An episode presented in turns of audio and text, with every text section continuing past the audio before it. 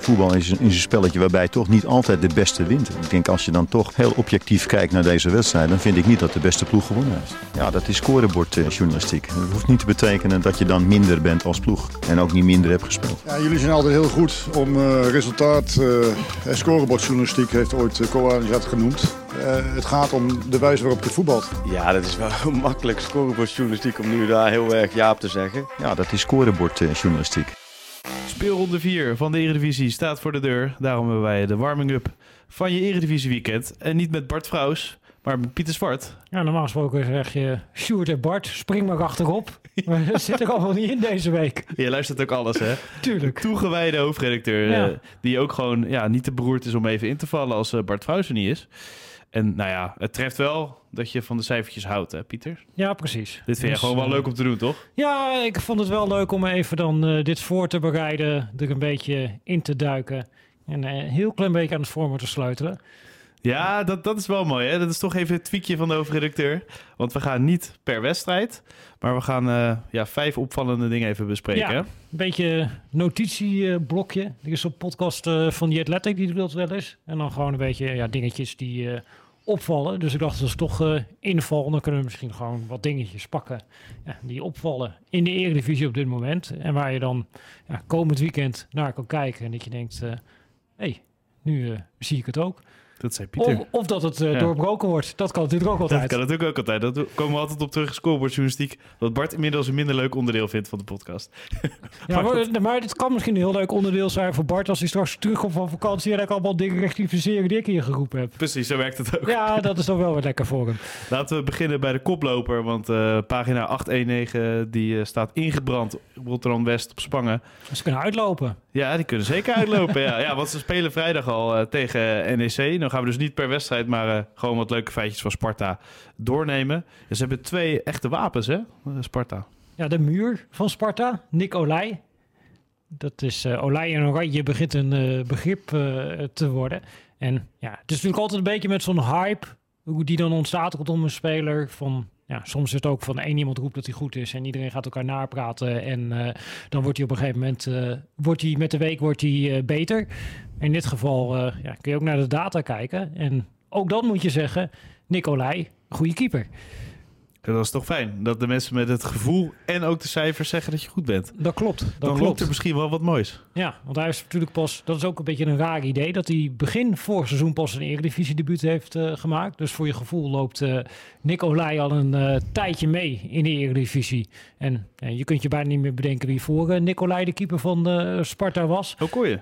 Okoye, ja. ja. die een uh, bijna gelukte transfer uh, naar uh, Engeland daarna heeft gehad. Satellietclub Udinese staat hij nu ja. op doel volgens mij. Ja, ja.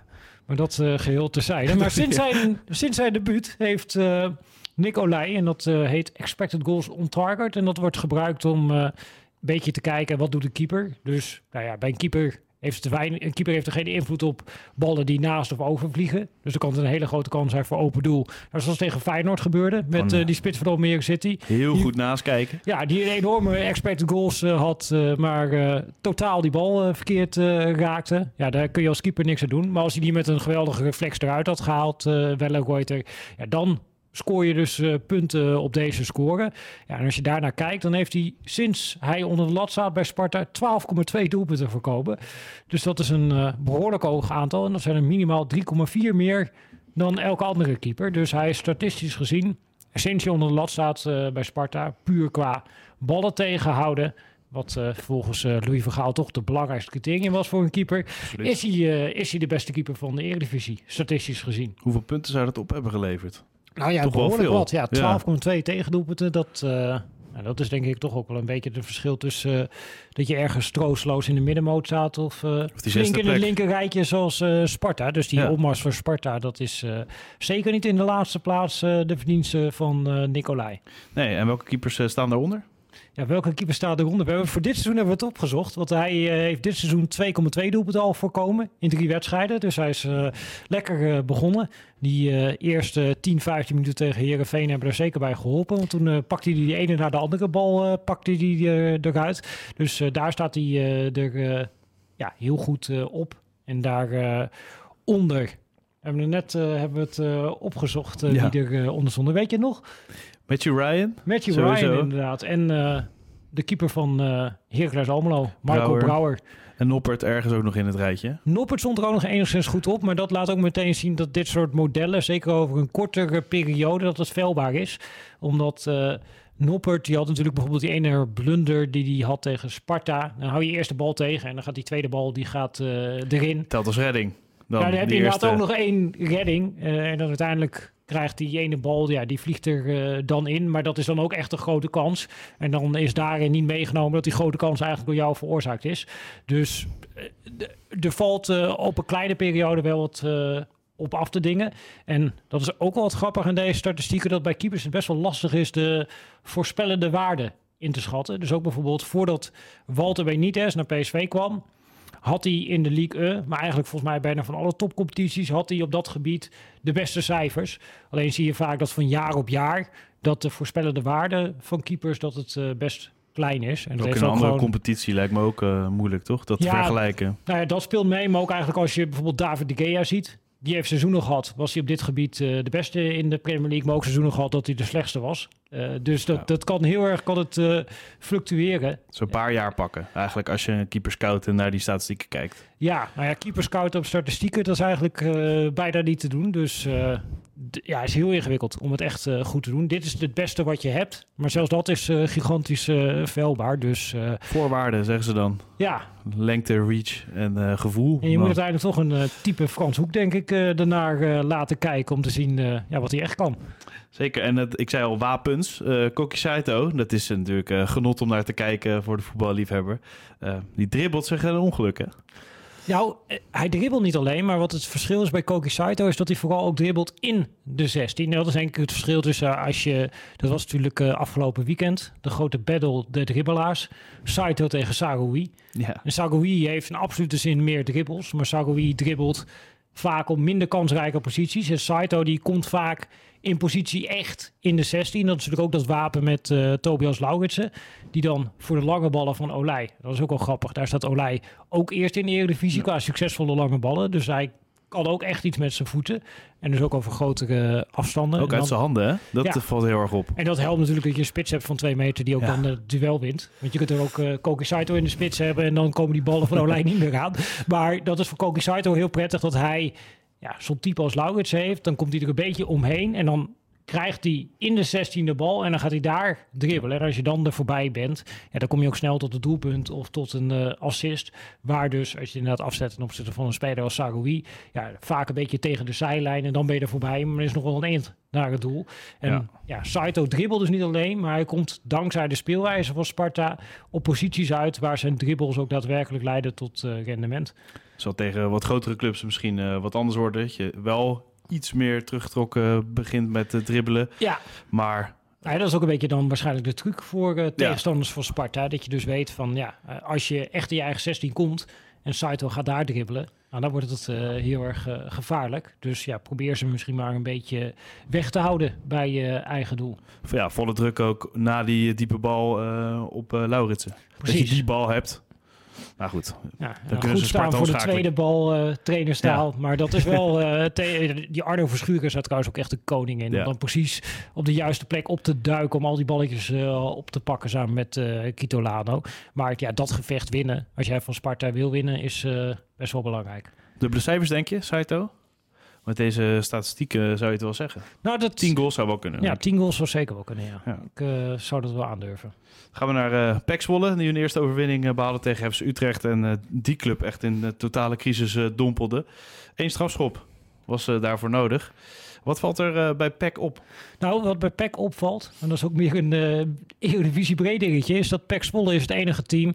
En dan moet je altijd een beetje discussie, is het met drie verdedigers, is het met vijf verdedigers? Ik zeg tegenwoordig altijd drie centrale verdedigers, maar dus ook Ja. twee wingbacks erbij. Dus, Dan heb je eh, geen boze trainers meer in Nee, geen boze, dan heb je niet een boze Johnny Jansen in de app, maar ja, ja dus 3A, 5 verdedigers, maar dus niet met vier verdedigers. En dan is PEC Zwolle het enige team op dit moment in de Eredivisie dat op die manier eh, speelt. En ja, dat is toch ook wel geinig. Helemaal als je het afzet ten opzichte van eind vorig seizoen. Volendam is er bijvoorbeeld op die manier ingebleven. Excelsior ging dat op een gegeven moment eh, doen. RKC had met Jozef Oosting er best wel veel succes mee. En ja, dat is toch een beetje in de eredivisie. Dat is ook altijd, eh, hij ligt hier nu niet op tafel, maar in de seizoengids, dan staan al die veldjes er. En dan al die veldjes is in de eredivisie bijna allemaal gewoon 4-3 kun je gewoon intekenen. Ik denk ook dat die wedstrijdformulieren alleen in 4-3 zijn gemaakt eh, in Nederland. En dan gedurende het seizoen raakt op een gegeven moment het team in paniek. En gaan ze dan toch uh, maar eens een keertje proberen met drie of met vijf uh, achterin. Ja, nu dus begin van het seizoen. Dan ja, alle teams die zeggen, nou, we gaan eens even beginnen in 4-3. En we kunnen, altijd nog, we kunnen altijd nog een 3-5-2 gaan. Behalve PEC, waar ja, Dick Scheuder daar zat. Dat heeft Johnny Jansen overgenomen. En nou, die is nu op die manier blijven spelen. Terwijl Jordan Jansen dat ook niet per se bij zijn uh, vorige clubs heeft gedaan. Maar het is misschien uh, nu uh, door het succes onder Schreuder een beetje clubcultuur geworden bij PEC dat ze met drie centraal spelen. Maar, maar snap je het? En, of is misschien ook die, die 4-3 wat verdedigender? Want daar hebben trainers natuurlijk altijd over. Het gaat om de invulling. Ja, het gaat ook om uh, de invulling, maar ik denk wel degelijk. Kijk, het maakt natuurlijk wel uit voor je veldbezetting, met name in het verdedigen. Kijk, aanvallen, het, maakt het, het lijkt er eigenlijk allemaal wel heel erg op elkaar. Want heel veel teams, ja, die bouwen alsnog op met uh, drie. Dus dan is het wel, maar vooral verdedigend kan het een voordeel zijn. En dat zag je natuurlijk ook weer tegen Utrecht. Dat sommige teams in Nederland, ja, zijn niet gewend om daar tegen te spelen. En hebben dan toch moeite om daarin ja, tot kansen en doelpunten te komen. Fijn dat dat ook moeilijk mee, hè? Kan ik me herinneren. Klopt, ja. klopt. En dat, ja, dat is toch... En daarom denk ik altijd, als je nou onderin in de Eredivisie speelt... en iedereen probeert 4-3 en positiespel... Ja, kan je en, onderscheiden, ja. Als je 5 ja, gaat spelen, ja. Precies, als je het anders doet, uh, ja, dan moet iedereen zich tegen jou toch aanpassen. En dat uh, ja, levert denk ik toch ja, zeker ook eens op beginfase van het seizoen punten op. Maar het lijkt er een beetje op dat die clubs denken dat die punten nu dat het minder zwaar telt aan het eind van het seizoen. Maar dat is misschien een uh, ja, nieuwtje deze podcast scoreboard journalistiek. Dat deze punten ook gewoon nou, meetellen. Weet, weet Excelsior alles van hè? Dat heeft ze gered vorig seizoen. Dat klopt. En nu ook uh, weer ja. uh, een goede start te pakken. Maar ja, dus ook Excelsior weer terug naar 4-3. En er worden dan ook al die selecties worden daar op ingericht. Dus dat is ja, dat blijft een grappig fenomeen. Want ik weet zeker dat als je, nou, dan moet je misschien uh, in je agenda zetten voor over drie maanden met Bart. Dat je zegt, Bart, hoe staat het ermee met die formaties? Maar dat dan een paar teams geswitcht zijn. Uh, drie centraal uh, achterin, omdat ze toch een paar wedstrijden verloren en dan in paniek raken. Terwijl ja, je kunt dus ook in je voorbereiding al kijken, kan ik dit ook inslijpen? En dan kan het gedurende het seizoen best wel handig zijn om af en toe te gebruiken, ook om een tegenstander te verrassen. Dit is een handige formatie om in je gereedschapskist te hebben. Misschien gaat uh, de trainer van RKC Waalwijk dat wel doen, Henk Vrezer. Die heeft ook wel uh, 5-3-2 gespeeld, met Sparta ook volgens mij. Ja, en de Sar in zo'n flexibele rol. Met Sparta inderdaad, en ook met Utrecht is hij op die manier uh, begonnen. Ook redelijk snel weer van afgeweken, maar dat was natuurlijk in die periode dat hij assistent was geweest bij Van Gaal. En die deed het natuurlijk ook. Ja. En dan krijg je ook altijd weer een beetje een soort van dat kopieergedrag. Dat kreeg je goed op dat WK natuurlijk ook. En nu is het weer helemaal afgezworen. Dus het is vaak ook een beetje hypegevoelig, uh, die uh, systemen. Want wel opvallend, want uh, hij staat niet bekend om het hele verzorgde voetbal vaak, Henk Vrezer. Het is nou, niet, niet lange lel en binnenkoppen. Maar ja, bij, onder, bij Sparta was dat wel kracht en bijsluiten. Um, en nu vooral in de passingen. Ja, nou als je naar de data, naar de wedstrijden van de RKC kijkt, dan denk je, goh, weet niet wat er met Henk Vrezer is gebeurd in die paar maanden dat hij zonder job zat. Maar ja. hij lijkt in één keer een idealist geworden. Hij heeft heel uh, goed nagedacht uh, naar Utrecht. Ja. ja. En het, ja, het grappige is dat hij ook in die periode dat hij bij Utrecht trainer werd, toen zei hij ook van nee, maar ik sta voor aanvallend voetbal, et cetera, et cetera. Terwijl als je gaat kijken naar die jaren dat hij het meeste succes heeft geboekt, dan was dat vaak, in, hij stond eigenlijk altijd bovenaan met zijn teams qua succesvolle lange passes, dat soort uh, statistieken. Uh, en hij had dan ook vaak een aanspeelpunt voorin. En nou, dat zie je nu natuurlijk nog steeds bij Sparta dat het hartstikke goed kan werken in de Eredivisie, dat veel teams er moeite mee hebben. Ja, nu bij RKC ja, doet hij het tegenovergestelde. Terwijl je Kramer hebt. Ja, ze hebben inderdaad ja. Michiel Kramer, maar die wordt niet op die manier uh, benut. Ze hebben, en dat klinkt nu heel positief, ze hebben 32 aanvallen gehad met meer dan 10 succesvolle passes achter elkaar. Ja. En Feyenoord en Ajax zijn de enige teams die in die statistiek nog hoger zitten dan dat uh, RKC dat zit. Dus ja, als je naar die statistieken zou kijken, dan denk je, RKC speelt uh, als een topclub op dit moment. Als je naar de ranglijst kijkt. Ja, dan niet inderdaad. En dan ga je ook een en de, beetje... En de onderliggende statistieken? Precies, dan ga je even iets verder kijken dan uh, dit. Uh, en dan valt me op uh, dat 56% van de passes die ze versturen, dat het op eigen helft is. En dat is de hoogste percentage in de Eredivisie. Dus ze tikken heel veel de bal rond. Alleen dat doen ze rondom het eigen strafschopgebied.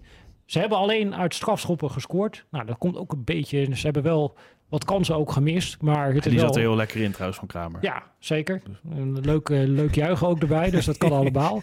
Eh, en van de teams die drie wedstrijden hebben gespeeld, hebben ze de minste balcontacten in de vijandelijke 16. Samen met eh, Almere City. En tegen AZ en NEC scoorden ze heel hoog wat betreft eh, ballen verspelen rondom het eigen strafschopgebied. En er kwam ook dodelijk. Ja. die gelijkmaker uit eh, tegen AZ.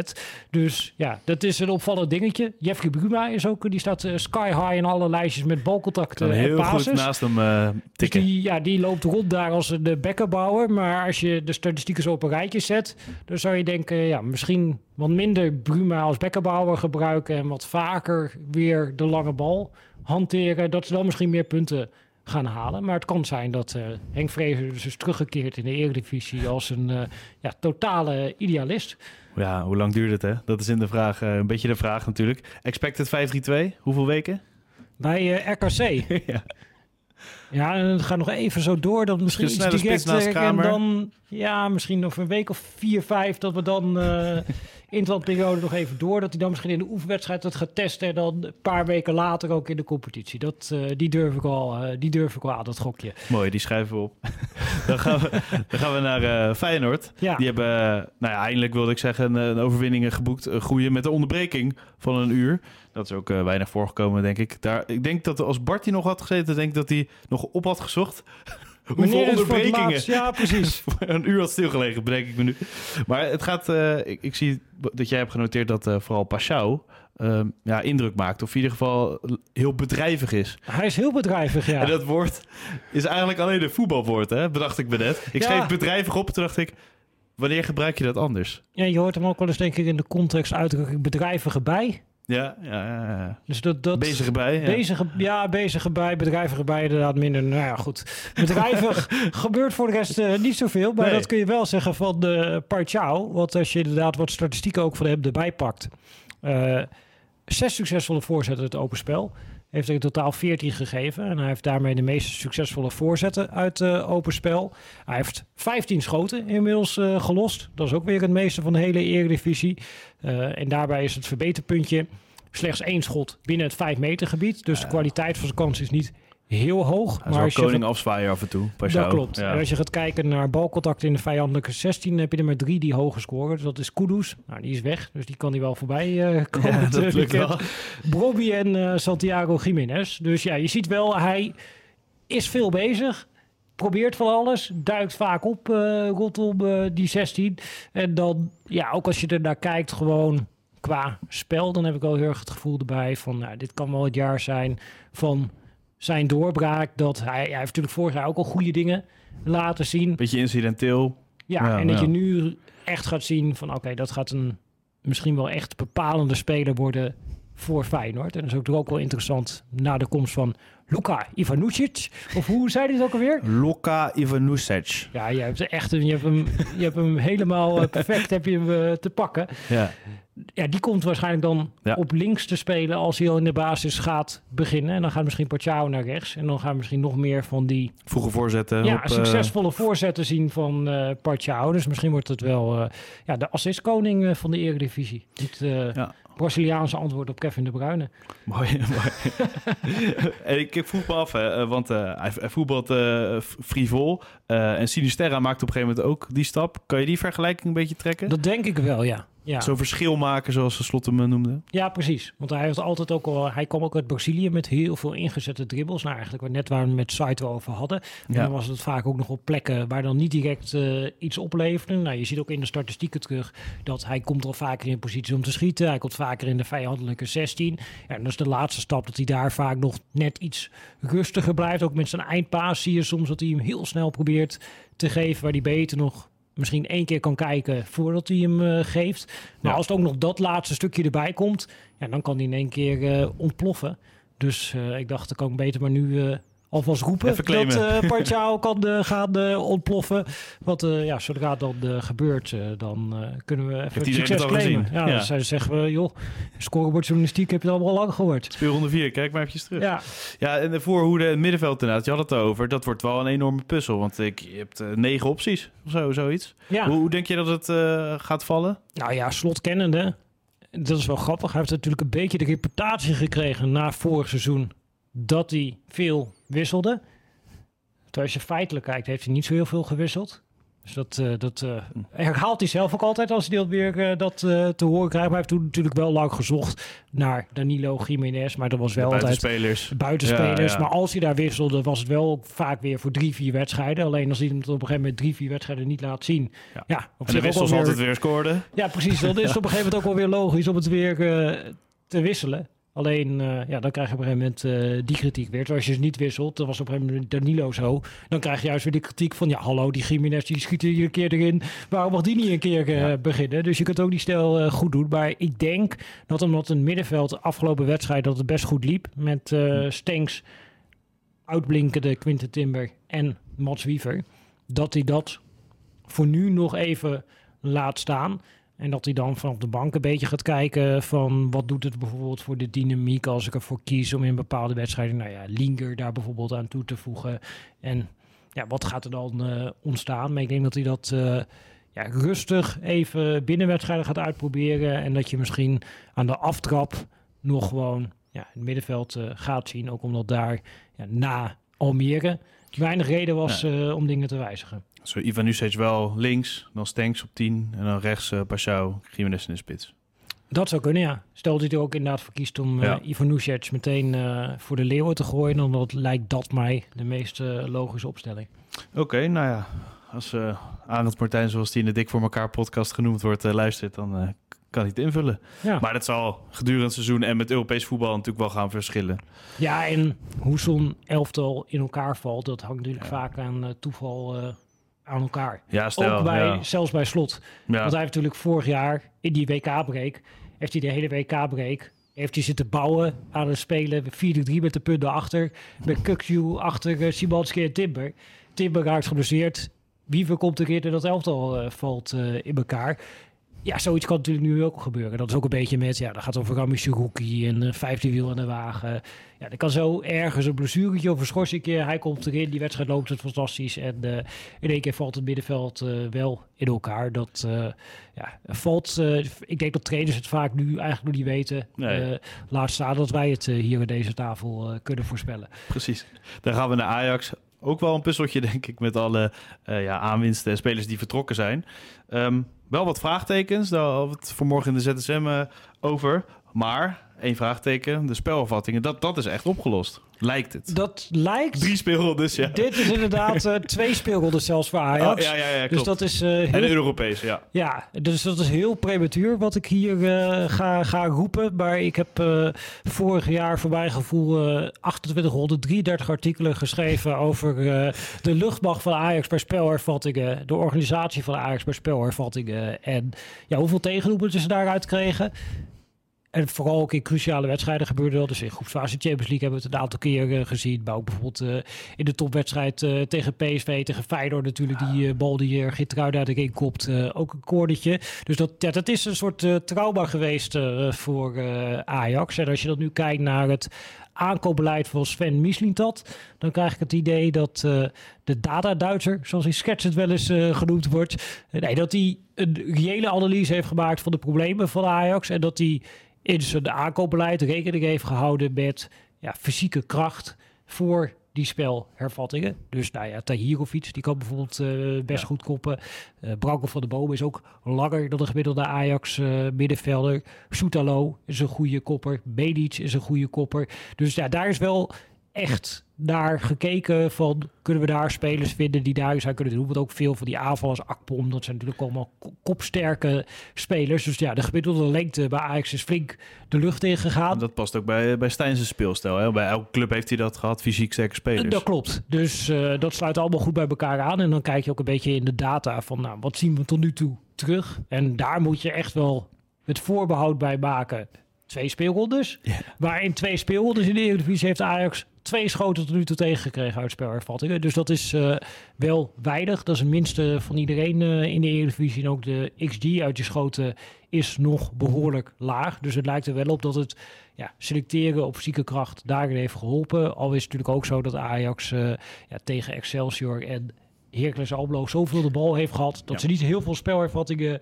hebben hoeven te verdedigen. En dat is natuurlijk altijd leuk. dit is een beetje toch het Bart-voorbeeld. Ze komen te spelen tegen Fortuna Sittard. Ja. En wat loopt er rond bij Fortuna Sittard? De beste kopper van de Eredivisie. Die had ik ook niet helemaal uh, verwacht. Nee. Siovas van Fortuna is dat. Dimitrios Siovas. En die heeft uh, 20 van zijn 22 luchtduels gewonnen. Dus daarbij is hij wel degene die de meeste luchtduels heeft... is aangegaan als hij de meeste heeft uh, gewonnen. En Feyenoord is het enige team tot nu toe met meer schoten uit spelervattingen dan Fortuna. Dus ik heb nu de premature conclusie geplaatst. Het lijkt erop dat het verbeterd is. En eigenlijk uh, moeten we na deze speelronde kijken van... Ja, is het daarmee ook echt verbeterd? Of heeft Fortuna aangetoond uh, ja, dat er nog wel het een en ander uh, aan te verbeteren valt? Want als je gaat kijken naar de organisatie van de defensieve spelervattingen van Ajax... dan is dat ja, op detailniveau is er iets gewijzigd. Maar in grote lijnen is dat nog wel hetzelfde.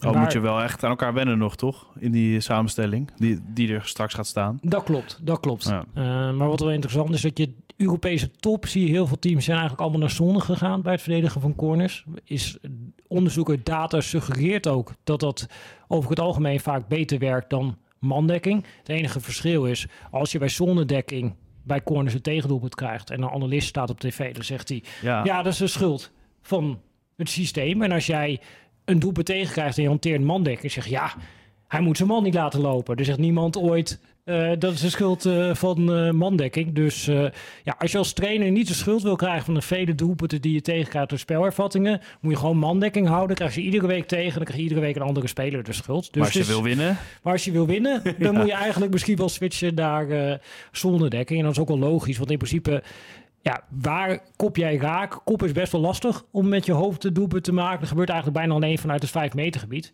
Dus als jij je beste koppers in het 5 meter gebied zet... en die doen ook daadwerkelijk wat... dan zie je ook nog wel eens teams die gaan dan zonder staan... en die denken, ja, blijf je gewoon staan en... Uh, ja, ik, uh, ik doe niks. Je moet wel wat doen als je in de zone staat. Maar als spelers weten wat ze moeten doen in de zone... dan uh, ja, kan dat een heel effectief systeem zijn... Nou, daar maakt uh, Ajax nog geen gebruik van. PSV en Feyenoord trouwens uh, wel. Dus dat is misschien ook wel eens een keertje geinig om op te letten... als je dit weekend de Eredivisie-wedstrijden aanzet. Ingegeven door Stoem Kaas trouwens, of niet? Want die waren heel sterk natuurlijk. Ja, die waren uit, heel uh, sterk met spelervattingen. Scoorden er trouwens ook uit. Ja, lag natuurlijk uit aan de zonderdekking. maar- Ja, lag aan de zonderdekking. ja, ik wil het zeggen. Lag het aan de zonnedekking, Pieter? nou, het was daar eh, dat, dat een van de blokkers voor de zolder eh, van Adelt dat hij eh, niet ingreep. Dus toen kreeg Van Adelt alsnog de schuld en niet de zolderdekking. Dus dat is dan ook wel weer geinig. Dat, eh, soms kan ook in zolderdekking eh, de baldekker eh, de schuld krijgen. Eh, maar nee, dat is, eh, Bos is daar meteen mee begonnen. Slot doet het eh, ook eh, op die manier. Dus, maar bij die andere teams in de Eredivisie is het ook wel geinig om even op te letten. God, wat doen ze nou? Doen ze zone? Doen ze man? Ja. Het is natuurlijk vaak ook een beetje een combi. Dus dat is ook Ajax. Dus die hebben er dan eh, vaak Bobby, dus de spits, die staat ergens op de kop van de 5 meter. En dan zijn er nog twee ergens in de zone. Maar is het overwegend zone of overwegend man? Ja, dat is bij corners wordt over het algemeen... Kijk, het wordt heel spannend gevonden. Maar over het algemeen wordt er heel weinig gescoord uit corners. Dus je hebt 25 corners meestal nodig kort voor... nemen. Ja, kort nemen. Er zijn boek over geschreven. Ja, en dat is ook wel betwistbare statistische stelling. Klopt, ja. Maar goed, eh, ik weet niet of dat eh, deze podcast is om die, op die eh, statistieken Nee. helemaal tot achter de komma uit te diepen. Misschien een keer een special voor scorebordjournalistiek. Dat is wat kun je ja. met corners Ja. doen? Dat, als jullie op een gegeven moment door de onderwerpen heen zijn met Bart, dan kun je zeggen, Bart, we gaan Special. gewoon een special over corners. En ik denk ook, ja, bij alle 18 teams, bijvoorbeeld Almere City, die hebben een specialist voor spelervattingen huren ze in dit seizoen. En dat, dat is ook iets waarvan we hebben het gehad helemaal aan het begin over nou ja, een ander systeem hanteren. Of inderdaad wat directer gaan voetballen. Dat dat best wel Ja. kan lonen voor een team eh, in het rechte rijtje.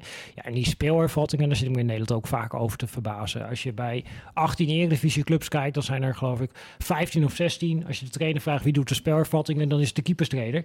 Ja, dat vind ik werkelijk daar, kan ik, daar kan ik met mijn hoofd kan ik daar niet bij. Als je ziet procentueel hoeveel doelpunten er nee. uit spelervattingen worden gemaakt, dat je dan denkt, ja, wij hebben er allemaal geen zin in, laat de keeperstrainer het maar doen. Maar dat komt denk ik omdat jij heel diep ook in het topvoetbal zit, toch? Ik bedoel, uh, bij Liverpool uh, en uh, andere clubs hebben ze ook gewoon een ingooicoach of een, daar een coach voor. Dat klopt, ja. Dus dan kan je ook zijn niet... ze een heel analistenteam ja. bezig om die spelervatting door ja. te lichten. Maar het is best wel een hele goedkope manier, ook als je naar Sturm Graz bijvoorbeeld kijkt, om aan doelpunten te komen. Want dat kan je gewoon, als je het echt goed doet. er is bijvoorbeeld een Italiaanse coach voor spelervattingen. Die wordt altijd bij een club wordt die ingevlogen. En dan zie je vaak dat waar hij wordt ingevlogen, gaat het aantal doelpunten uit spelervattingen met 10 à 15 per seizoen omhoog. Ja, stel dat je daar een spits voor moet kopen.